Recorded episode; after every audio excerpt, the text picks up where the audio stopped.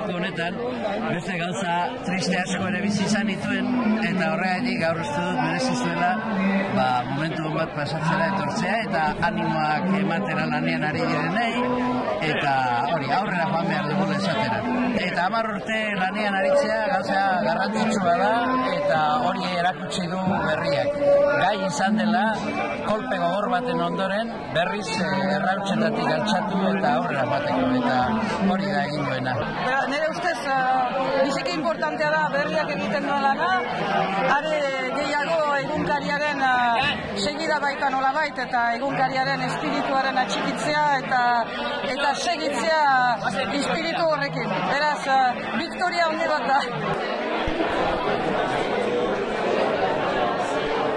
Zailtasun gainetik ere, hamar urte betetzea ere proiektu berriekin eta herritarren eh, lagunduriko proiektu batekin, eh, hamar urte betetzea bitza zoriontzekoa da lan asko egin ondoren.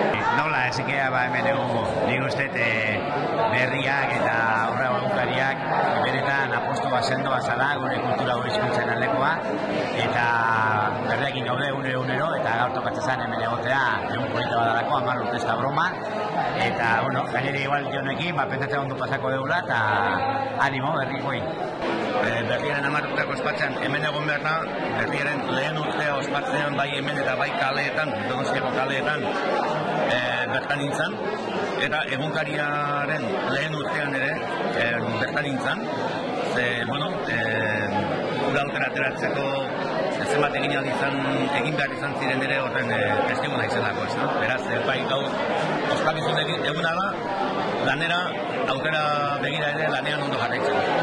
Bueno, eh, neurri handi batean, mirari bada, baina eh, nezake euskal kulturan mirarietara ohituta gaude. Zorionez, eh, agi bat beste baten gainek jartzen dugu,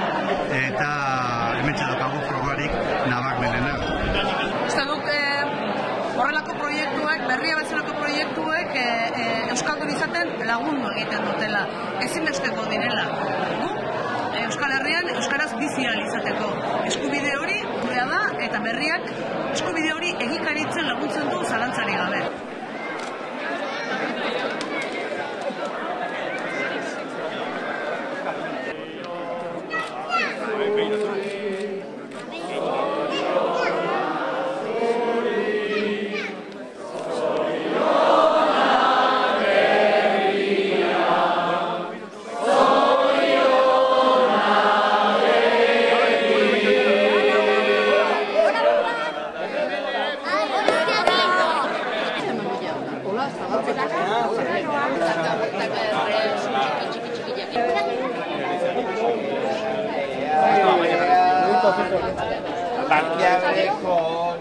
Hori, atxemakin bat duzu.